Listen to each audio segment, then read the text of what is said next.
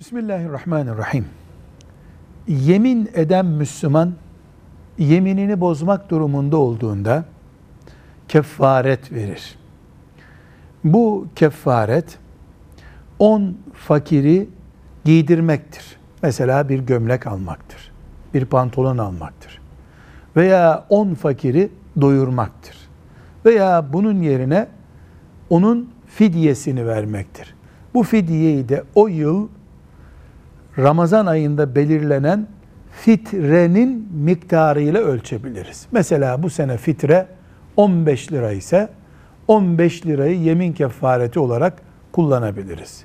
Velhamdülillahi Rabbil Alemin.